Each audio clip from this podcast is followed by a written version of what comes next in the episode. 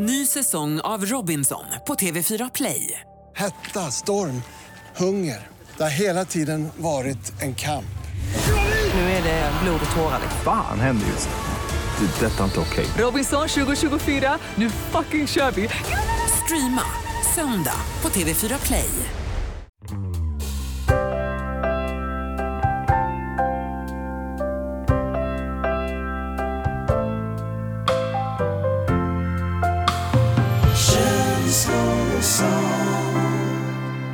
Välkommen till eh, Känslor och sånt-podden. Det är jag som är Kalle och jag sitter här med, eh, ska jag säga Justin Timberlake idag kanske? Ja!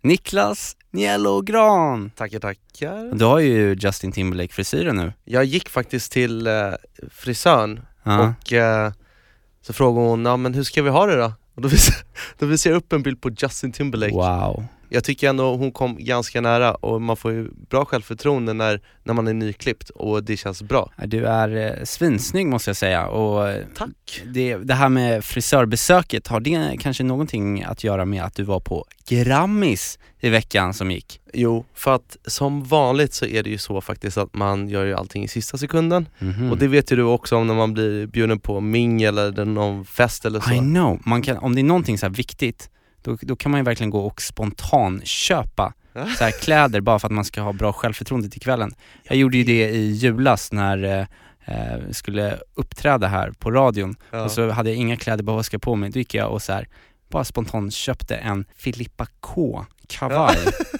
Du vräkte på direkt. Ja, känn på den. Oj oj oj. Man tänker i huvudet att om jag köper det här nu så är det väldigt mycket pengar, men jag kan ju alltid lämna tillbaka den efter om jag bara inte tar bort lappen. Lämnar Mm. man någonsin tillbaka kläder som man har köpt om man heter Niello eller Smoken? Alltså man är för lat för det Ja. där överhuvudtaget. Och det är en annan grej också, typ så här, eller lägga upp saker på Blocket.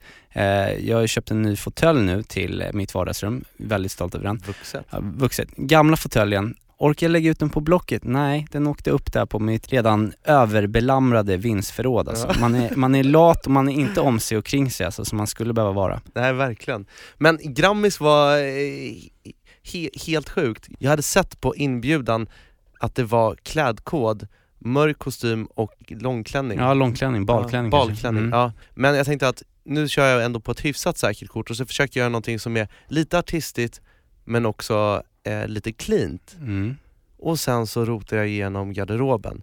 Och då drog jag på mig en kavaj med Wow. en eh, skjorta som inte hade krage, lite Oj. artistigt, Mm. ett litet halsband. Oj. Och så gick det ner lite där bak också som, Som du älskar. som jag älskar. Mm. Och så lite uppkavlade byxor och Mm. sneakers så att man kände sig lite ungdomlig. Lite vår, vårigt alltså.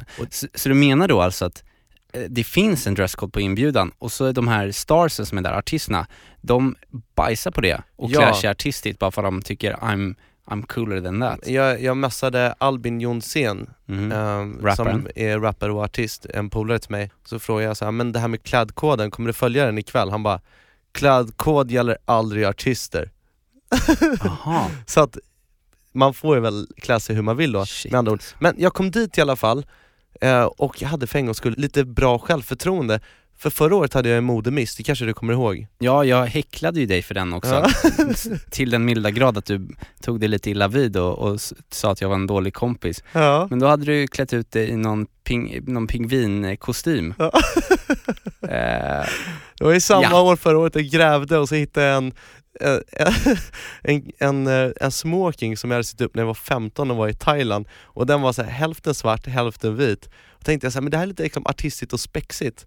Men, men eh, det gick ju inte hem, jag fick ju inte de här komplimangerna på, på mattan och sådär som jag hade tänkt och nej, det- nej, du såg tio gånger bättre ut det här året alltså. tack kompis. Mm, verkligen, ja, du och brunbrand också. Riktigt snygg. Men det man oroar sig för, förutom klädseln på Grammis, det är ju att man ska vara själv. Mhm. Alltså tänk dig att det är en jäkla massa kändisar runt omkring Mm. och så ska man vara en utav dem. Just det. Man känner ju sig aldrig liksom som en del i gänget om man inte känner folk. Nej. Och jag, tidigare år så har det varit, särskilt första året, så var det ju flera gånger som, jag kände ingen. Nej. Jag gick runt själv och så här låtsas ringde och Mm. tyckte det var skitjobbigt. Du vet ju själv hur det är på en fest när du inte känner någon Ja. och så är du inte på humör att gå fram och prata med en främling. Men, Plus att det måste finnas väldigt mycket hierarkier där också. Du kan, alltså det är inte som liksom vilken firmafest som helst. Det är ju ett, en gala fullpreppad med folk som många är Mm. divor och har hög status, känner sig att de borde ha hög status och så vidare. Och så vidare. Vet du vad tricket är? Att låtsas att man är, har hög status. Nej, det, det är bara att göra känslor och sånt på dem. Att höja upp alla som är där. Mm. Man går fram till Carola och säger Wow! Gjorde du det? Nej men jag petade på Lena Philipsson Du petade på henne? när hon gick förbi. ja. Nej men man, man tar bara och höjer upp folk Mm. och det funkar skitbra. Jag fick massa nya kompisar, folk hade hört talas om mig också på lite omvägar och jag fick många nya kontakter som jag ska faktiskt göra musik med så småningom. Wow, så det var bra, Det bra var mingel. Det var bara en enda sak som fuckade upp och det var när vi efter galan skulle gå och käka middag på Mm. brasseriet. Då, då gjorde jag bort mig. Vad gjorde du då? Man skulle gå in och lämna av jackan, men det var så jävla kö. Så jag struntade i det. Och det här var ett nytt ställe, för jag har alltid varit på Café Opera tidigare, när det är middag. Snyggt att säga alltid, som att du har varit på Grammis Ja men det, det är ändå fjärde året. Är det så många Ja, gånger? Okej, visst. take it back. Coolt. Så det var lite nytt upplägg, det var nytt place och vanligtvis brukar det vara som att alla skivbolag har olika rum där de sitter och käkar. Mm. Stora salar så här, jättemäktigt. Men den här gången så var det lite mer oklart. Så att det fanns inga skyltar, man hade ingen aning om vart man skulle gå och sen fanns det massa bord med så här sjuka bufféer. Och jag struntade i den här kön att hänga av med jackan utan pinnade direkt till närmaste bord och började ta av de här små rätterna som låg upplagda. Det var Mm. så fina sushi-prylar och Mm. wow, alltså jag stod helt själv och slafsade i mig liksom för jag var så hungrig. Och då till slut så bankade någon mig på axeln så här och bara Du vet inte vart du ska vara va? Jag bara Nej, jag, så, det här är Sony-bordet. Och då, har jag, så här, och då har liksom ingen annan börjat käka, ingen annan, det är bara jag som står där. Vad är grejen med att du ska gå och ta andra, andra folks mat och drinkar och grejer när du är på middagar alltså? Och så Shit. stod jag där och bara åh sorry Vadå? alltså. Vadå? Exakt. Ja men jag ska ju bara... Svansen mellan benen, jag står där som med fullproppade Nej. händer med massa käk och man får lämna tillbaka det. Ja, ja, ja, ja, ja, men ja, men ja, ja, eh, ja, ja. annars måste jag ändå säga att det var kanon. Jag, jag hade Mm. skitkul, träffade en massa polare och eh, hade en fantastisk kväll. Men jag saknade dig kompis, Ja, du, väl- du var inte där. Nej, det, man har inte hört så många skandaler om Grammis, men det tycker jag personligen är den absolut största skandalen på hela Swedish Grammy Awards 2017, är att Carl Nilsmo inte var bjuden alltså. Ja vad händer? Du Ja. hade en iTunes-etta kompis. Sverige-etta, okej jag kanske inte är vrålkändisen men jag, vadå, jag, jag, jag börjar ändå, mm, tycker jag, bli lite. Ja. Fick ingen inbjudan eh, för min musik. Eh, men, eh, så att sen så, men sen så hade jag snackat med han som, det var ju Perfect Day som eh, styrde hela Grammisgalan och eh, han Daniel Redgert han var i kontakt med mig angående en annan grej och Grammis och eh, programmet, radioprogrammet Gry Anders med vänner som jag är redaktör för. Och då slängde jag ut en fråga om han kunde fixa lite biljetter eh, till oss i programmet, vilket han ställde sig väldigt positiv till. Och bara ja, vilket bra upplägg. Och sen frågade han, får jag fråga, vem är det som vill ha de här biljetterna? Mm. Och då så sa jag, ja men det är jag. Ja. Och när han fick höra då att det inte var superkända Gry Forssell och Anders Timell som, som han skulle då fixa plats åt, nej, då slutade han att svara. Så att det, Nej. det här, man märker ju att man, man har ju långt kvar till eh, någon slags eh, kändisstatus som får gå på Grammis alltså. Långt kvar att klättra. Nej. Jag, vet du vad jag träffade också på Grammis? Vem? Tobias Torvid. Ja, han Då- är ju programledare för Svensk Pop och journalist för eh, Expressen och sådär. Mm. Ja, ja men, men Tobias stod ju vid röda mattan Mm. och skulle intervjua folk. Han räddade mig. Därför att när man går med massa kändisar runt omkring sig, då vill ju, alltså journalisterna blir som hungriga vargar som vill, som vill åt varenda liten godbit av de här kändisarna som går. Men när jag kommer, jag är ju inte, jag är inte så jättehet Nej. än, jag har ju också lång bit kvar att klättra. Märkligt alltså. Jag, så att jag går ju förbi där och ingen ens kollar på mig du vet. Jag, man, känner, man får ju dåligt självförtroende. Ah. Men sen ser man då det här underbara facet som strålar och bara Mm. Hej Niklas! Wow. Jag bara wow, där står han. Och när jag då eh, får krama om Tobias Mm. och vi bara chitchattar två sekunder Då plötsligt, då börjar folk så fotografera mig och jag, jag får gå röda mattan och alla blir så här. Mm. li, lite kåta på mig. Oj, kul. Tack Tobias! Verkligen. Och en dag när, eh, när det blir inne att bli ett par sköra själar som pratar känslor, då kommer vi ha en riktig storhetstid tror jag. Wow! Men vad roligt att du träffar på Tobias, vilket sammanträffande då att vi faktiskt har bjudit in Tobias och hans pojkvän Anton Mm. eh, som är eh, programledare för en nystartad podd som heter Regnbågsliv. De ska vi komma och chatta med här om ett litet tag. Eh, och jag är lite nervös inför den här dejten. Jag med! pirrig liksom. För att deras podd handlar ju om OPL... HBTQLM NOPS-frågor, nej men HBTQ-frågor. Man har ju, jag har inte så himla bra koll. Och sen så tänker man lite så att man kanske måste vara, man vill inte trampa någon på tårna och saker. Nej det känns ju som att det är ganska känsliga ämnen att, Mm. att prata om. Sexualitet och Mm. att, det här med att komma ut och Ja, det finns ju massa. så vi får se hur det går, så häng kvar där. Men du Niklas, en annan grej Mm. eh, som jag tänkte på idag, var ganska roligt faktiskt. Eh, jag satt här ute vid mitt skrivbord eh, för några timmar sedan och så kommer eh, en, eh, en kille förbi som eh, jobbar på sälj, säljavdelningen, som kallas för Starren. Och eh, så eh, noterade jag att han bar liksom en snyggt struken instoppad skjorta, ett Mm. par snygga brallor och ett Gucci-skärp. Ja, wow, vilken Och- kille. Ja, verkligen. Han var svinsnygg. Och direkt så, så kallar jag på hans uppmärksamhet och så säger jag så här, Starren, Starren! Är det Gusi eller? Är det Gusi? Okej. Och resten av eh, bordet, där, eller skrivbordet där jag sitter med de andra som jobbar på content, de hakar på och bara ah, är, är det Gusi? Är det Gusi? Gud, är... Du vet inte vad det är för något? Nej.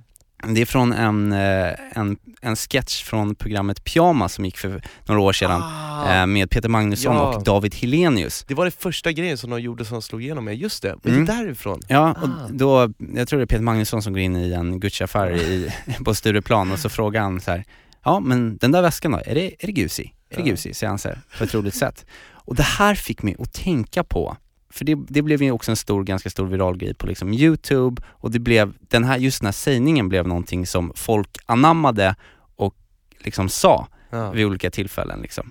ja, det där har man ju, det har ju följt med en hela livet. Det är ju Mm. ofta, Men det kan vara allt möjligt. ju, ja men youtube, ja, youtube på, se- på de senaste 10-15 åren. Mm. där saker och ting blir populärt och sen så börjar alla säga det. Och är man inte med i svängarna så blir man ju lite utanför. Och vi pratade om det här för ganska länge sedan tror jag, om just eh, sägningen Oh my god, they killed Kenny, Kenny. you bastard! Exakt. Den är ju också sån klassisk. Alla vet vem det är, Ja, typ.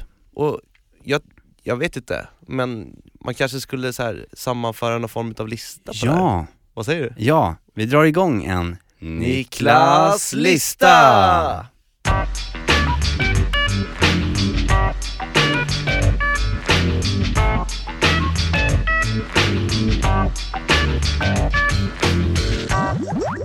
Okej Kalle, Mm. då, då har jag eh, suttit en stund här i, i eh, datamörkret och knappat på min lilla laptop. Jaså, ja precis, du har eh, snokat runt. Det har jag. Mm. Och, och jag, jag har ju gått igenom mängder med YouTube-klipp och eh, googlat och gjort research. Och jag har hittat mängder av grejer som jag tror att både du och jag och du som lyssnar kommer komma ihåg från barndomen, men också saker och ting som är väldigt inne att säga nu. Eller vad säger du din dritsäck? Ah, du tänker så. Det är, alltså, det, det är liksom sägningar och citat och, Ja. och olika liksom meningar och grejer som, ah, ah, det här Och- jag är superspännande på. Jag tänkte inte läsa dem, det är ganska många, men jag tänkte spela upp ett litet medley med grejerna som jag hittat. Fett. Så får, så får vi se lite vad, om ni känner igen er. Men, eh, men här kommer det. Håll till godo. Behöver du hjälp? Ring Polia! Damn, Daniel! Och har det så kul på restauranger. Men bäste far, jag kan inte södra. Jag är Iprin, den intelligenta värktabletten. Sluta jiddra, börja trolla. Jag ska klippa hans stunk. Jag ska göra kaos med han. Jag ju hela helgen på dig. Snälla Åke. Det var snälla Åke. Det drar! Vadå för någonting? Det drar! Det verkar som om råttan inte vågar inställa sig. Råtta, råtta, råtta, råtta! Ja, åt helvete! Vilka jävla armjävlar du har! Run Forrest run! Vad var det du kastade? Hasta la vista, baby. Dra in magen så jag kommer förbi och fram. Kom igen nu Britt-Marie, kör för fan! Ta din gamla cigarett och cykla till Bahamas för fan. Han är lugn sa jag! I am your father. Det är dags för fredagsmys. Ta av dig din tryckerkeps. Man, ta av dig din tryckerkeps. Det går bra nu, kompis det går bra nu. Bra nu, bra nu. Oh! Alltså, wow! Har du någon favorit där? Ja men det, det, det, är så galet för att under det här medlet så Ja. kändes det som att jag, du vet hur man kan förknippa liksom olik, en sägning eller liksom vad som helst, ett uttryck med en liksom viss tidpunkt i livet. Mm. Eh, och det, det här, det fick mig ju tänka väldigt mycket på typ högstadiet och gymnasiet liksom. När man var som mest aktiv också, Mm. bland polarna och Ja. drog mycket sånt här. Ja, men allt ifrån min stekarperiod när alla sa pappa betalar, men också det här, eh, dra in magen så jag kommer förbi och fram. Det drog vi alltid i matsalskön i plugget alltså. Den hängde med länge också. Mm. Mm. Nej, verkligen. Helt, eh, vilk, vi- vilken vi- lista. Ska vi i känslor och sånt kanske försöka att göra, alltså göra ett uttryck, ett känslor och sånt uttryck till en innegrej? Men vi har ju redan två tycker jag som, eh, som, som, Som, folk börjar som skulle kunna eh, kvala in. Mm. Ja nej, men det ena är ju att säga hej då Hej då! och den andra är väl att eh, gössa till det liksom, att Ja, säga göss. göss. Göss. Det är många, många av våra eh, lyssnare som, som säger göss numera, det är jättekul. Men kan vi inte göra det då som ett liksom, lite experiment om vi kan se om det här kan få att fästa? Att eh, om vår känslosont familj hjälper oss här nu och lägger upp typ en bild eh, på Instagram när man gör någonting gössigt. Och gössigt, eh, att göra någonting gössigt är någonting som är nice, schysst, bra, härligt, Gött. mysigt, gött Mm. liksom. Så det är, faller ju under ett, liksom, ett stort paraply där. Kan ni bara skriva göss? Skriv bara hashtag göss, släng dit en hashtag känslor och sånt om du känner för det också. Eller tagga oss så att vi ser den i alla fall. Mm. Och så försöker vi sprida det uttrycket, känslor och sånt uttrycket, göss. Fan vad gössigt! Ja, fan vad gössigt. ja, gössig lista Niklas. Tack så mycket Göss Kallis. på dig. Göss på dig! Då så Niklas, nu eh, ska det bli otroligt eh, intressant, spännande och mysigt och härligt och fantastiskt för nu ska vi få in två stycken jättehärliga, mysiga killar. Långa, Ja, särskilt Tobias. ja Fan vad lång han är. långa, smala, blonda, Gud. ja, med bra stil och hår och allt möjligt alltså. Mm. Vi, de står här utanför och eh, knackar på så jag tycker vi släpper in Åh dem. gud vad spännande. Mm. Regnbågsliv, välkomna in! Yes!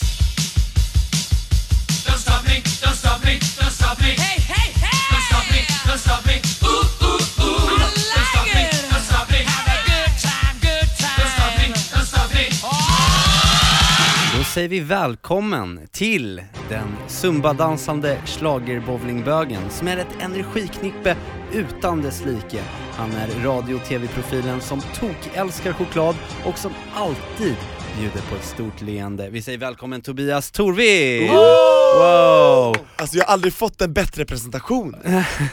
Och välkommen säger vi också till tysk technofantasten, politikern och före detta friidrottaren som förutom att ha typ världens slätaste hy och snyggaste frisyr också jobbar som föreläsare på Make a Change och som tillsammans med just Tobias, sin pojkvän, driver en av Sveriges nyaste och fräschaste podcast, nämligen Regnbågsliv. Välkommen Anton Johansson! Tack, ni har gjort research hör jag. Så välkommen Anton, välkommen Tobbe och välkommen Regnbågsliv hit till eh, vår känslor och sånt familj. Ja, Alltså, vilka killar! Kalle och Niklas. Ja, man blir bara glad av att kolla på dessa två gossar alltså. Ja, det är så kul att vara här. Vi lyssnar ju själva på eran podd, så det är extra kul att få gästa. Är det sant? Och vi, och vi har nu har inte ni gjort jättemånga avsnitt än, men ni, det är ju, ni har ju kommit ut med en helt ny podcast som heter Regnbågsliv.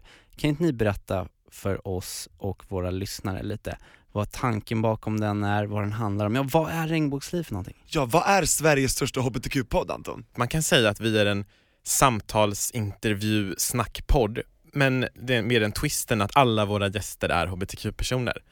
Och eh, man kan säga hittills i alla våra avsnitt som vi har gjort så är det ju väldigt... Fyra stycken. Ja precis, de fyra avsnitten som vi gjort så är det ju väldigt djupa ämnen ändå, men samtidigt lättsamt. Vi snackar allt från att komma ut till eh, könskorrigeringar, könsidentitet. Självmordstankar också. Absolut, och allt det här försöker vi göra på ett lätt sätt, för vi är lite trötta på den här eh, alla beteckningar och benämningar som många inte förstår och vi tror ju att vi måste prata om hbtq-frågor på ett lätt sätt för att nå ut till den breda massan. Så det försöker vi göra. Superviktigt och vad fint. Ja men verkligen, men det, det är väl lite roligt att du säger det här med lätt sätt för att lite innan vi skulle ehm, liksom ha det här när vi, jag ringde Niklas igår så här, vad, ska vi prata om och så här. Då, var på, helt ärligt, det första som kom lite upp är så här, oh, men kan, man, kan man säga det eller kan man fråga det? Eller då verkar det som att man inte typ är påläst och sådär men Och man vill inte trampa någon på, tårna. heller. Men det här är så kul att ni säger, för vet ni, att det här säger våra gäster också till oss.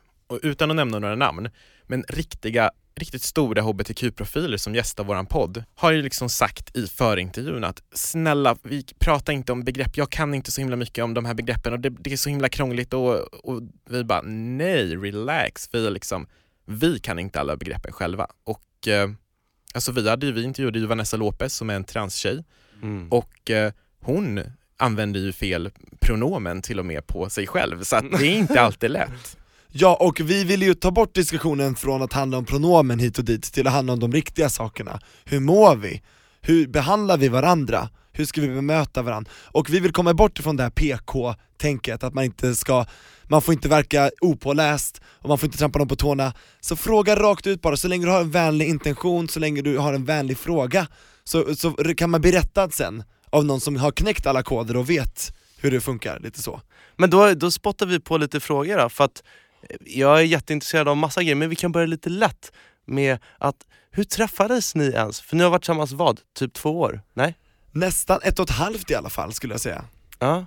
Vi träffades ju 2012, Första gången, första gången. Då kom, då sa det inte klick. Nej, då kom, sku, Tobias skulle komma hem till mig och vi skulle typ så här, käka middag, dricka lite vin tänkte jag och sådär. Så jag mötte upp Tobias vid tunnelbanan och eh, så gick vi då hem till mig. Jag hade precis köpt en, eh, min första bostadsrätt, var liksom skitnöjd. Mm. Det här var i Västertorp. Det första Tobias säger när han kommer innanför dörren är så här bara, har du köpt den här lägenheten? Och jag bara, ja det har jag gjort. Och eh, då svarar han va, ah, jag hade aldrig köpt någonting utanför tullarna. och jag bara, vad är det för dryg jävel jag har släpat hit? Jag, jag, jag tänkte ju korka upp vinflaskan liksom, för jag bara, det här är en ganska dryg snubbe, vi måste vi, ja. Och då visar det sig att han är nykterist och inte dricker. Jag bara, ah. Shit. Och det står jag för än idag, att jag inte dricker för jag tycker alkohol är äckligt. Eh, Men eh, det där med lägenheten menar jag ju bara att jag var så fast besluten om att flytta hemifrån då, så jag var väl lite avundsjuk och ville typ så här visa vad jag hade för ambitioner, och bara, ja det var ju jättebra att du hade en egen bostadsrätt, för sen fick ju du, efter mycket om och men, köp och sälj, köp och sälj, så har ju du nu en bostadsrätt på Södermalm. Och det är precis det jag Wow. också vill ha. Så att, eh, jag var lite avundsjuk, men jag var inte dryg, det var inte som att jag spottade ner på Anton utan jag såg upp till honom fast det blev ju helt fel, det kom ut helt fel bara. Man är nervös, herregud första dejten, kom igen. Men sen gick det ju några år, vi hängde ändå som kom, ni vet så här, man, man får ju kompisar, eller man har ju så här kompisar som man typ säger grattis till på Facebook en gång per år. Och vi det var sågs väl typ vi- en gång per år bara. Ja, det var ju vi i tre år ungefär och sedan så träffades vi på Pride 2015 och då Mhm. sa det däremot klick. Ja, då var det kärlek vid andra ögonkastet, Wow. kan man säga. Gud. Ja, så här är vi idag. Här är vi idag. Och eh, det har inte varit lätt alla gånger, men vi har ändå haft någon slags grundkärlek till varann och den har alltid överlevt. Wow, Så är det. Fint. Ni ser så himlans kära ut och det är så kul att ni jobbar tillsammans också med podden och sånt, det måste vara fantastiskt. Ja, det kan antingen vara det bästa vi gjort eller det absolut sämsta, som tar död på allt. Men jag tycker det är, det är snarare det första. Och du eh, Tobbe är från Stockholm, eller hur? Jajamän. Och Anton uppe från Kiruna. Så, Ja. ni, så ni kommer ju från liksom två olika geografiska platser i vårt avlånga land och sådär. Och jag tänker så här, hur, hur var det för er liksom, i er uppväxt? Har ni sagt något om det? Så här, skillnaderna på att eh, ja, men, liksom komma ut som homosexuell i Stockholm gentemot uppe i Norrbotten? Har, var, det, var det annorlunda eller, det är klart det var annorlunda, men på vilka sätt? Och, Ja det är en väldigt bra fråga Kalle, för det här är, är någonting som vi inte är rädda för att ta upp i vår podd, Nej. Regnbågsliv heller. Eller hur Ante, vi har pratat om det i tror jag, första avsnittet med Mariette då, att eh, jag hade det väldigt svårt och du hade det inte alls lika svårt Ja det kan man ju inte tro. Alltså, Nej man tror ju att det kanske skulle vara tvärtom. Tvärtom, ja. Mm. Ja, men sen är det också så här, min familj var väldigt accepterande och jag behövde aldrig komma ut för min familj. Det var liksom, min mamma sa till mig när eh, min dåvarande liksom, kille, eller ja, en, en kille som jag dejtade skulle komma och hälsa på. Hon bara, jag tror jag var 16-17 år och då sa hon att ja, men du om Jimmy är mer än en kompis så är det bara vill vi, vi ska veta att det är helt okej, så här, om han är det. Mm. Så jag har aldrig kommit ut för min familj liksom. Men sen kan man tänka i skolan, där är det, det är en helt annan liksom machokultur i Kiruna. Ja. Gruvstad, ehm, ishockey är liksom Norm. Ja men Mm. precis. Det är eh, väldigt, liksom ett väldigt homogent samhälle. Eh, Det, det, skapas ju någon form av kultur och ett, en norm om hur man ska vara. Du ska jobba i gruvan, du ska spela hockey, du ska, och, och att kliva ur den normen är ju inte alltid jättelätt. Precis, och för mig var det ju tvärtom. Mm. Hemma hos mig, jag har väldigt konservativa föräldrar, min mamma är med i pingstkyrkan, och då menar jag inte att alla som är med i pingstkyrkan är som min mamma är, men hon är konservativ och hemma hos mig lät det som att när jag hade någon kille över, då var det så här, han äter inte middag med oss. Men gud. Så lät det där. Så det var inte lika vänskapligt, men utanför hemmet, Men var det in, innan de visste att du var... Ja, precis. Ja. Alltså så då, var det det att de anade då? eller? Ja, de, Ja. för den killen jag tog hem då, jag tror han heter Fredrik, han hade precis shoppat, han hade rosa shoppingkassar och var lite så här fjollig typ eller vad man ska säga, och mamma blev helt bara nej, han äter inte middag med oss, han Mm. får gå. Mm. Och det sa hon högt och tydligt. Så att, eh, ja han blev ju ledsen, men, och jag blev också jätteledsen, jag tänkte såhär, vad fan. Och eh, utifrån, utanför hemmet, så var det precis tvärtom det Anton beskriver, det var en väldigt accepterande Mm. miljö, jag gick ju på gymnasiet i, här i Stockholm, Kungsholmen. Vi gick samma ju. Vi gick, vi gick samma Kalle? Ja, du gick två klasser Wow. under. Ja men visst var det en fantastisk skola? Det var en fantastisk skola. Men- Alla fick vara som de ville, Ja, precis. ingen mobbing alls. Nej, det var fint. Det var bara så accepterande och typ alla kände, alla kände ju till mig tror jag som den här långa blondinen som, Exakt. som svepte omkring och var så härlig. Kommer du ihåg detta Kalle? Ja men ja, absolut, Vad absolut. kul Kalle, jag, kom, Ja. jag glömde nästan bort det, men Ja. det, ja, du kan gå i god för att det stämmer. Mm. Så min omgivning har varit fantastisk, men mitt arv har inte varit det. Så det är en blandning av arv och miljö. Men hur var det med din familj sen, med din mamma? Är det någonting som har blivit bättre med tiden? Ja, och jag har ju märkt nu på senare tid, för när jag berättade här i podden om hur det gick till när jag kom ut och Mm. det var tårar och liksom folk sprang ifrån rummet och så vidare, så delar inte hon den uppfattningen. Hon tyckte inte alls att det var så det gick till. Nej. Så det är fortfarande känsligt att prata om det. Ja. Men jag skulle säga nu, och jag tror Anton håller med, att mamma är, hon har ju tagit till sig dig och min pappa också, så att Mm. de har accepterat det nu. Wow. Men det gjorde de inte då, men det vill de inte tro att de inte gjorde, men det gjorde de inte. Ni vet hur det är. Men det här är också en annan grej som jag undrat på. När, när visste ni då att ni gillade liksom killar? Ja, jag har ju en specifik upplevelse, men jag misstänker ju att jag alltid har gillat eh, mer killar än tjejer. Mm. Men jag har ett specifikt ögonblick när jag frågar chans på min bästa kompis Mårten när jag var åtta år gammal. Oj. Och hans svar är typ det bästa någonsin. Vet du vad han svarade? Nej. Han bara åh jag vet inte, jag ska fråga mamma. Gulligt. Jag vet. Jag ska se om det är okej. Ja, och jag fick inget svar, och jag tror på hans student liksom 11 år senare så frågade jag bara Gunilla, hur är det nu? Får jag bli ihop med Mårten eller inte? Och alla bara skrattade, men jag var seriös då by the way Aha. För Mårten är en jättefin kille, men nu har ju känslorna på det sättet avtagit och vi är fortfarande bästa polare Och Anton är min, mannen i mitt liv Mm. eh, så, Men det, det var ett specifikt ögonblick, åtta år på skolgården, Mårten får jag chans på dig? Jag vet inte, jag ska fråga mamma Men, och det här måste jag också bara fråga en till grej, för det här är också någonting som, man, som jag har tänkt på väldigt många gånger. Eh, och jag tror Niklas kan också relatera till det här. Mm. Eh, just att, eh, eh, inte för att nu trampa någon på tårna, men det här med när man har kommit ut så känns det som att väldigt många då kommer ut väldigt mycket. Och Niklas får ju ofta höra, eller hur Ja, jag Niklas? kan ju dra hela ja, storyn Dra hela här. storyn bara, istället. bara lite snabbt. Ja. Men jag, alltså både när jag var ung och nu när jag är vuxen så tror ju många att jag är gay. Jag tyckte det var jättejobbigt när jag var liten därför att gjorde, alltså det gjorde mig lite förvirrad för då, då, för jag tyckte om tjejer jättemycket men alltså påhoppen orsakades ju av att jag pratade mycket känslor på, i sko, på skolgården och jag gillade att måla och läsa skvallertidningar och hopprep och jag gick på ridskola till och med så här, två gånger i veckan. Och det, det, det hjälpte inte riktigt att jag lirade fotboll och att jag var så här, duktig på idrott och sånt där utan jag fick de här jävla böggrejerna hela tiden över mig. För att jag ville ju bli accepterad av alla människor och framförallt av killarna men utan att spotta i korridorerna, snacka nedvärderande om tjejer och att slåss på rasterna.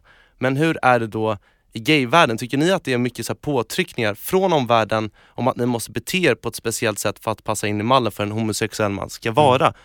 Förstår ni vad jag menar? Jättebra fråga. Att när man väl har tagit, det var det vi kommer till, när man väl har tagit steget till att komma ut, så, och, så är det så att det blir en påtryckning att nu måste du vara liksom jätte, liksom gay på ett speciellt sätt liksom. Det blir en kult- norm. Ja men som sagt kultur, Ja. det kulturella i att vara gay Precis som att det finns att vara straight man. Ja, då ska det vara Då ska på, man Eller hur? Alltså ni har verkligen satt finger på spiken, jättebra iakttagelse. Och det är ju det som många kritiserar Pride för, att de befäster alltså en bild av en väldigt fjollig, sprallig, eh, Mm. gay-kultur eh, och så. Och det, det är så synd att folk ska behöva se det så, att man alltid ska placeras i ett fack, och så här ska du vara för att då, ska, då kan vi acceptera dig om du är som vi förväntar oss att du ska vara, Mm. och så vidare. Men det, det absolut, det har vi känt på, eller jag kan tala för mig själv, Mm. väldigt mycket sådana påtryckningar, och de vill man ju gå emot, jag vill gå emot dem hela tiden. Jag skulle säga att det absolut finns liksom normer för hur, hur um, man förväntas vara. Det finns ju när vissa får reda på att man är gay så är det bara, ah men då kanske du kan hjälpa mig med eh, typ mitt hår. Bara, men vem är du liksom? Alltså, jag kan ingenting. Nej, men, Ja. ehm, Nu kan ju du om hår. Jo, jo, jo. Men, men, men det är ju en sån grej, och det tror jag mer är liksom omvärldens eh, bild så. Eh, jag, skulle vi liksom gå på King Kong, eh, en klubb på Mariatorget nu den här helgen, eller åka till Berlin i helgen och gå på Berghain, Mm. där typ hälften är bögar liksom, då skulle man inte kunna se det liksom på, på dem. Ehm, för i Berlin finns det ju en annan norm av hur en bög ska vara och Mm. i Stockholm, eller i Sverige finns det liksom en, men jag, jag tycker absolut att det jag, jag, jag tycker att ni är inne på någonting liksom väldigt intressant här. Ja och det är svårt att skaka av sig de bilderna Men eh, vad jag tänker vad jobbigt Niklas att du liksom har känt, för det, du, att folk förväntar sig och säger åt dig nästan hur du ska vara och du känner nej Ja. jag är inte så, så måste du hela tiden bevisa dig Ah, för det är så jobbigt för du har inget att bevisa för någon Men ändå då, vilka är de så här, största fördomarna ni fortfarande så här, springer på liksom i, i vardagligen? Eller är det några sådana, eller är det Ja absolut, vi, vi pratade om det i vårt första avsnitt av Regnbågsliv, eller med Mariette, där att folk tror att vi har öppet förhållande eh, och att folk, folk undrar vem är mannen och kvinnan Mhm. i eh, ert förhållande? Ja, men det är ju mycket det här behovet av att sätta folk i fack. När jag jobbade inom telekom innan så kunde jag få en ganska rak fråga, alltså från en 50-årig kvinna eller gubbe som undrade liksom om vårt sexliv. Oj. så på något sätt Herregud. känns det som att, jo, jo men alltså på riktigt, det, det, sådana frågor. Så att det känns som att man blir ju en representant för så många andra, men vi kan ju bara representera oss själva liksom. Och, och håller du med mig där Tobias? Absolut, och det hade man ju aldrig ställt tillbaka till den här 50-åriga gubben eller gumman som kanske lever heteronormativt Hur gör du med din man? Vem, vem är över och vem är under där? Brukar ni gå ner på varandra? Eller, Ja, alltså, nej, men, ner? Det är helt typ- sjukt mina, alltså. Mina flatkompisar, eh, de säger hela tiden att de får alltid förklara så här, hur har två Mm. tjejer sex? Eh, och tänk då så här att, tänk att, ja men ni, du, du Niklas, du är ju förlovad med din Mm. flickvän, tänk om du sitter här och fikar och så kommer liksom någon eh, av cheferna här på Radio Play och bara, ja men Niklas, eh, hur ofta går ni ner på varandra då? Alltså det är ju ganska ingenting. ofta, jag ska... Nej, hur men- ser det ut när ni håller på? Liksom? Nej, men Vad gör ni då? Ja. Det är ju ingen konst, eller det är ju en jättekonstig fråga att Ja, ställa. absolut. Men det är inte jätte, det ses inte som jättekonstigt att ställa det till ett liksom Nej. gaypar för att man är ju bara nyfiken och Men, men hörni, på tal om eh, sex och lite fördomar så har jag en, eh, en till fråga. Oh.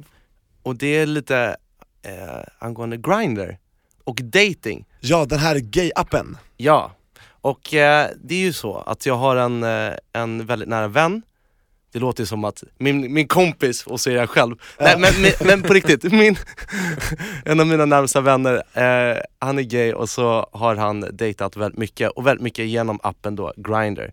Det är som Tinder fast för killar som gillar killar Exakt. Och, eh, och jag har förstått då att det generellt sett är lite mer ja, vad ska jag säga, pang på rödbetan när det kommer till eh, killar som dejtar varandra och man går direkt på att ligga. Och han har, ju, han har beskrivit homosexuella män som ganska lättfotade, vilket han tycker är magiskt. Men han påstår också att det är betydligt svårare att faktiskt träffa någon som man vill gå in i ett seriöst förhållande med. Kan ni känna igen er i den beskrivningen och eh, upplevde ni det på det sättet innan ni träffade varandra? Alltså jag, man måste skilja på Grindr och, och resten av gayvärlden, för på Grindr, den appen, då är det ju så. Jag tror Ja. att folk, folk som är så söker sig till den, så därför har vi en, bara en homogen representation där Det är ytterst få som inte är där, som, in, alltså, som är där som inte vill ha pang på rödbetan, som inte vill söka någonting ganska snart, Ja. nu, nu, nu, nu, nu, och sen avverka nästa på nästa på nästa.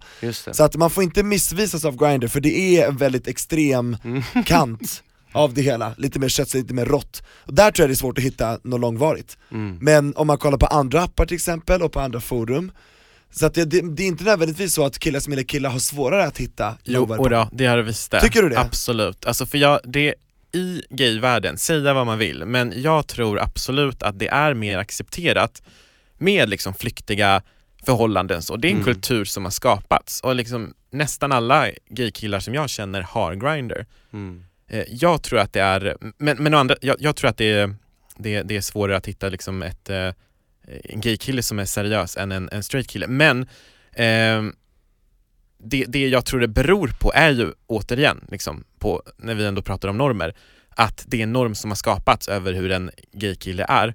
Just det. Men sen också, skulle den här kulturen bli vanligare i liksom hetero-Sverige, Mm. Absolut tror jag att det hade var, blivit samma sak då. Alltså jag, jag har ju jättemycket så här straighta kompisar som bara wow, Grindr, det är ju fantastiskt, det här borde finnas för eh, oss också liksom. Och det finns ju, det heter Tinder, det heter Ja, men det var whatever det jag tänkte Ja, säga men det, lite det, har väl kom, det har väl kommit eh, liksom Ja. framåt där. Jag Jag vill- det är jag inte vill- samma Ja, sak. För att, nu- alltså, Nu måste jag få utveckla det där som du sa, för jag håller inte helt med dig, utan jag, jag, lite grann håller jag med, men jag tänker så här att, alltså i- historiskt sett, och det här säger många äldre bögar till mig, Mm. det fanns inte när de var yngre, så de har alltså förvägrats möjligheter att hitta andra likasinnade och kunna leva ut sig själva, Ah. alltså får de göra det mycket senare i livet, och då kan det bli lite så här: wow, mycket på en gång, och då kan det bli väldigt pang på Tänk er en heteronormativ person Men det var väl som sexuella kön. revolutionen liksom på 70-talet då, Eller när det, när det blev ganska ändå innan aids kom och förstörde Mm. den revolutionen lite grann och försenade det, det som hände Men eh, ja, exakt, det, det är det att då, en kille som gillar en annan tjej, han kan ju gå en, ett helt, alltså uppväxt, ett helt tonårsliv och bara dejta tjejer och ingen tycker att det är något fel och han får hålla på hur han vill beroende på om man är liberalt eller konservativt samhälle Förstår ni vad jag menar? Mm. Men nu i och med att appar blir vanligare för alla, och en, den nästa generationens eh, killar som gillar killar och liksom nästa generationens tjejer som gillar killar och så vidare. Jag tror det kommer vi se samma här nu, förstår ni vad jag menar? Nu kommer få, barn växa upp med Tinder och växa upp med Grindr Så vi ser nog ett lite mer liknande samhälle där alla bara kör sin egen grej. Men samtidigt så är det en norm i gaysamhället att det är mycket fokus på sex. Gå på en gayklubb i vart som helst och det inte liksom är eh, go-go-dansare, det är inte liksom fokus på sex, det är eh, en bar i Mariatorget, sidetrack, där har de liksom dildos som öltappar. Eh, det är mycket fokus på sex och det här tror jag att vi i hbtq-världen är före. För det här tror jag kommer bli, som ni säger, Tinder är ju jättevanligt nu över hela Sverige. Jag tror att det kommer liksom bli mer så här flyktiga förhållanden och mer, eh, sen om jag, jag själv har aldrig liksom använt Grindr, aldrig varit en del av den kulturen, men jag tror att det är någonting som håller på liksom att smälla över hela Vet, vet ni vem som har eh, varit go-go-dansare då, på gayklubb? Du! Är det, vilken På, klubb? Ko- på Kolingsborg Nej! Åh. Niklas, alltså den finns ju inte kvar den där klubben, men det var den bästa Ja. klubben i Sverige skulle jag säga Ni som inte var där, kolla in på nätet alltså, Mm. wow Ja den var fet alltså Men då Älskar. vet ju du vad vi menar med att det Ja. är mycket sex i liksom den... Ja, det, och det gick, ju inte, det gick ju inte en gång utan att man gick dit och sen så, de, de, de, i alla fall där så tog de sig väldigt mycket frihet, herrarna. Alltså de, man, dig. man, fick, man fick ju mycket bekräftelse, men de, de tog och de skulle känna lite och sådär, när, man, gick över dansgolvet. Stoppade Vissa- de in pengar i dig också, eller på det? Eller? Eh, nej fan jag hade en liten kagge och sådär, så ska jag stoppa in, jag, jag gjorde det för att det var roligt, det var Okej. härligt. Wow. Men Kalle jag tänkte på det med, Mm. med Tinder och sånt där, eh, Mm. om, om du upplever, i och med att vi drar en liten koppling mellan Grindr och Tinder, mm. att ja, men när vi var yngre och Tinder inte fanns och sånt, upplever du då att det har blivit lite mer flyktigt och att det har blivit lite lättare att träffa? Du har ändå varit på mycket dejter nu liksom Ja senast. nej men det har det väl, det har det väl blivit eh, liksom hela samhället med alla så här, sociala medier och eh, ja men datingappar och sånt som finns. Så på ett sätt tycker jag det är negativt att det har blivit lite så för att jag tycker det har blivit svårare att träffa någon och bli kär i. Jag vet inte om det beror på för att man hela tiden pumpas med så mycket liksom, intryck och så många Alternativ. Liksom, alternativ och, och, eh, och då kanske man tappar lite där att man ger chansen att fördjupa sig i en person eh, och speciellt också när man träffas över liksom ett, ja, men, över cybernätet liksom genom de här apparna och inte liksom face to face. Eh, så det, är, det är både positivt och negativt den här liksom utvecklingen tycker jag. Ehm, men jag tänkte på en, en annan sak. Det känns ju som att ni är så, har blivit liksom så himla trygga, inte bara i, i, liksom, eh, i er sexualitet men som personer och sådär och att ni verkligen har det där. Men vad skulle ni säga till de som lyssnar som kanske befinner sig i lite limbo? In, har, ni några, har ni några tips som ändå har levt liksom länge? Om, om man sitter där och känner att fan jag... Typ jag vet inte vad jag gillar, jag vet inte vad jag tycker om, man måste... Mm, Ja men precis. Jag tycker så här. jag vill verkligen slå ett slag för att man absolut inte behöver komma ut. Nej. Den vill jag ta bort, den pressen inom citationstecken, för det är också en norm att det förväntas av en person som gillar samma kön att behöva berätta det och manifestera det för hela världen. Mm. Vad är det för sjuk press att sätta på en person liksom? Mm. Jag tycker det är helt orealistiskt, den måste bort, om någon har en fråga så kan man bemöta den, och som Anton säger, man får komma ut lite varje dag ändå om folk frågar liksom. Just Bara den saken, för jag tror folk bygger upp en jättestor tröskel kring det att jag måste skriva Facebook-inlägg, Mm. Instagram-inlägg, hur ska folk ta det? Gör inte det, om du inte vill göra en grej av det. Mm. Ha något såhär uh, coming out party eller vad som helst. Vad tycker du? Nej men alltså, jag håller med. Jag håller med, man behöver inte sätta en stämpel på sig själv om man inte vill. Vill man det och blir stärkt i det, gör det. Men sen också viktigt att komma ihåg, för många gånger så är man ju rädd för att till exempel komma ut för man, av andras reaktioner och så vidare. Men det är ju liksom, nu är vi ändå 2017 i Sverige. Det är mer och mer accepterat att vara typ hur man vill och grejen är den att om du har en, inte vet jag, märklig fetisch enligt dig själv eller du gillar, ehm, du kanske känner att du är född i en, en manlig kropp men eh, vill leva som kvinna eller vad det än må vara. Liksom, var inte rädd för andras reaktioner för att det, de kommer ändå ha åsikter. Om du, om, du inte, om du fortsätter leva ditt liv som du inte trivs, då kanske de har åsikter om att ja men eh, gud vad tråkig klädstil hon har eller Just han eller whatever. Så Ja, det finns Mm. alltid folk som har åsikter, så bara strunta i det väl liksom. Och sen ta det som det kommer, ta det inte på för stort allvar liksom. Lev livet. Ligg med en kille ikväll, ligg med en tjej imorgon om du vill. Ja, och du måste inte berätta allting, du måste inte göra allting till en grej. Men eh, jag, jag känner efter ett sånt här snack att jag är faktiskt eh, jag är lite, lite skakad. Jag tyckte det var, det var så mycket information och så var det så himla roligt att prata om men man blir ändå lite så här. Homosexuell? Ja, man blir homosexuell av det. Tack grabbar! Äntligen! Ja för vi, vi tyckte det, vi sa det innan, ni är, så, ni är som ett par, ett killpar, men ni ligger inte med varandra, Nej, ni har det- inte något intimt, men Nej. ni är ju typ ihop Har vi hånglats någon gång, Nej det, det har vi inte gjort heller, men vi, vi brukar ju också säga det att vi är faktiskt väldigt mycket som ett par och jag brukar säga fasen nu när jag inte hi- hittar någon eh, tjej liksom, fan Niklas, fan att man inte var gay, då skulle vi kunna spela FIFA och, och knulla samtidigt Men kan, ni, kan ni inte testa då eller? Ni behöver inte säga som den här killen, man, man är ju inte bög för att man testar Nej det är, viss, visserligen, visserligen, men det är, det är, nej, jag har svårt alltså. Och sen är det ju Niklas andedräkt också. nej, jag, jag, Skulle ja. inte funka, det Nej, är bara den lilla Nej, detaljen. jag skulle, jag skulle, nej men absolut, om, om det är så att det skulle eh, rycka till i Penrition någon, någon gång så, så är Rycker i baguetten så att säga så, så, så skulle Niklas vara den första killen jag Gullig det. Tack kompis. Mm. Tack så mycket. Tack hörni Tack och förlåt för allt Viktigt! mm. Vilket jäkla surr alltså. Ja, man, var, man blev på riktigt helt blown away Ja, men det var ju extremt mycket att ta, ta in. Man, Mm. fick ju, man fick ju svar på många saker som man faktiskt undrade över. Och även om man kände sig kanske lite dum ibland Mm. i vissa frågor så var det det som är så fantastiskt med Tobbe och Anton och att de är verkligen så öppna liksom och, och liksom gillar att prata om, om allt möjligt liksom. Mm, Så- jättehärligt. Härliga grabbar, så jag ho- hoppas att eh, vi kanske får komma och gästa dem någon gång också. Oh, Det vore det kul. vore trevligt. Ja det vore coolt. Men du, eh, eh, Lil Nick, Hej hej. Niklas, Mm.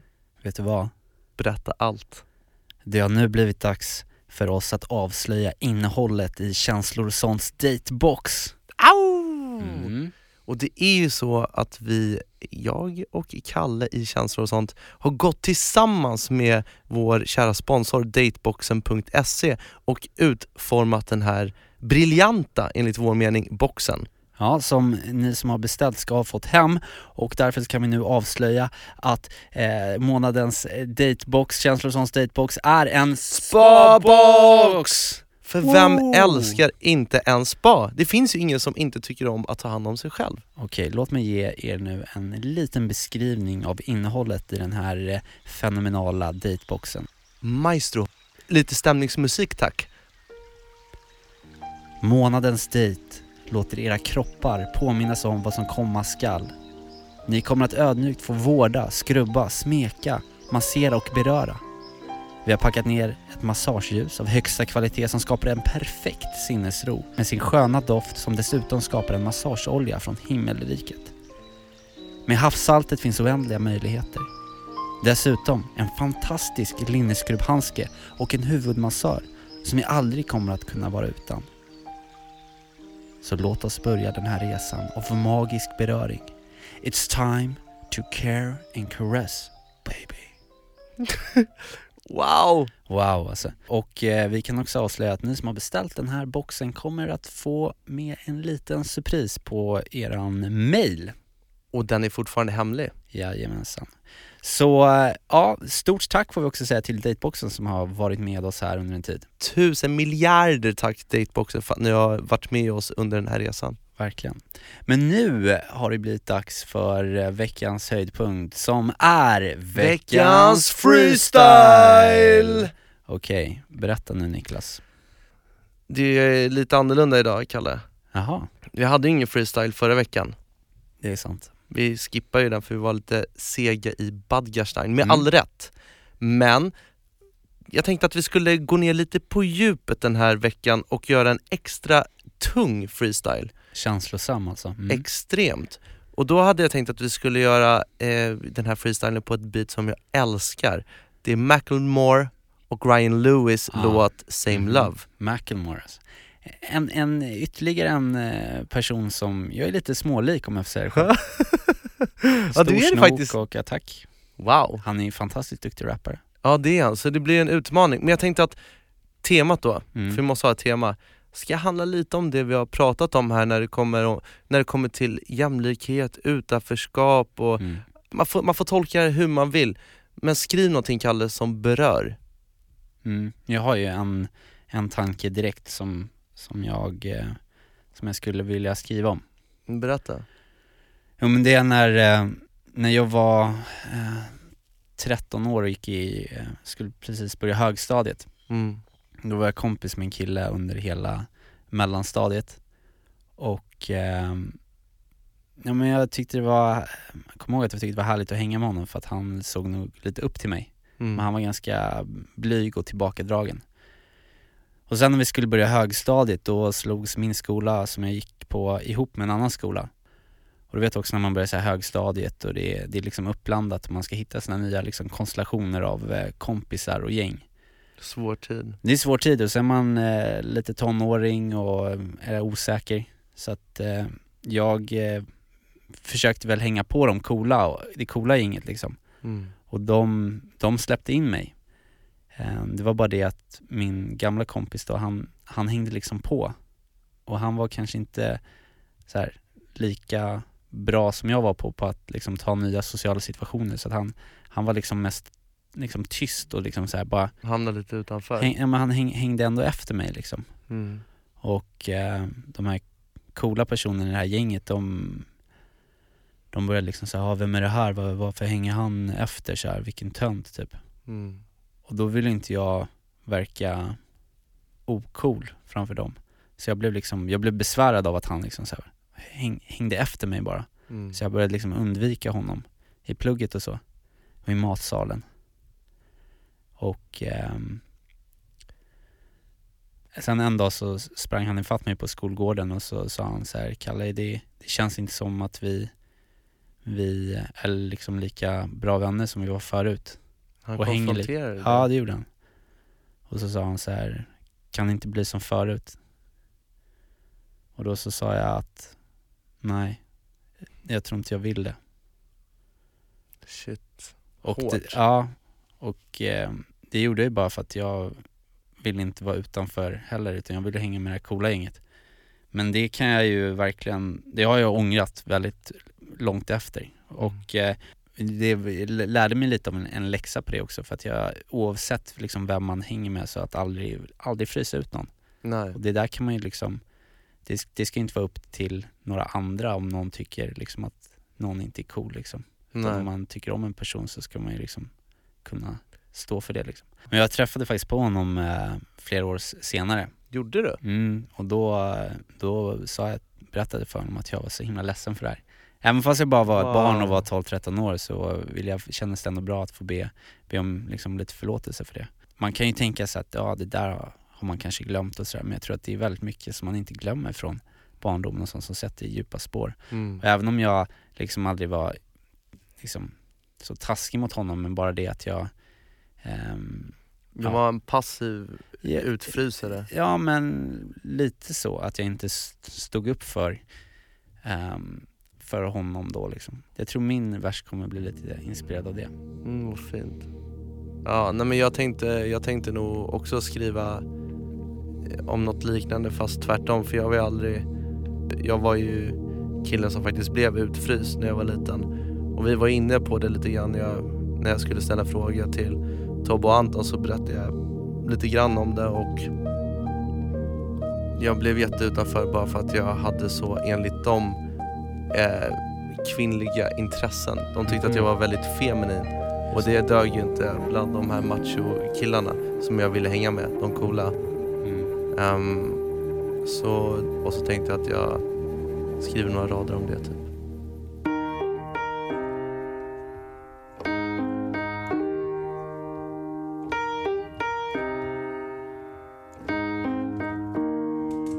Minns att terminen hade startat, jag var tio på min gata Hade ridit några år, gått från skritta till att trava.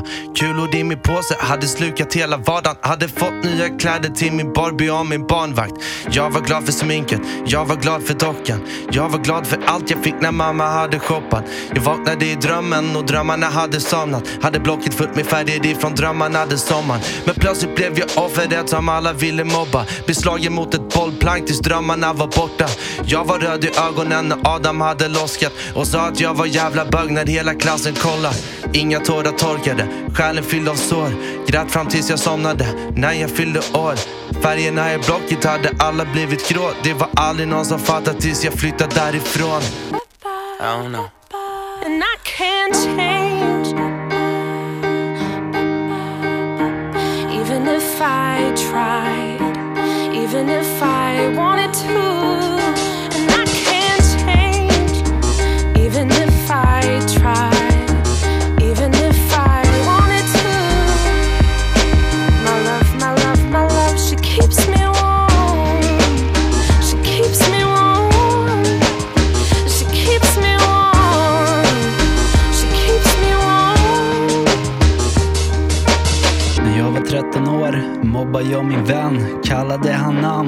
Jobbade hans hem Han blev ensam kvar i slutet av en gränd Försökte passa in bland de coola i ett gäng Han är annorlunda, en tönt var så vi sa Fel fashion, annan färg och familjen kördes av Men det enda som är weird är när människor fylls av hat Det går fortare än vinden eller priset per kvadrat Dags att öppna upp och aldrig stänga grinden. Sprida mera löv, inga tårar längs med kinden. Tillsammans är vi starka, går över alla hinder. För alla är vi barn under en och samma himmel.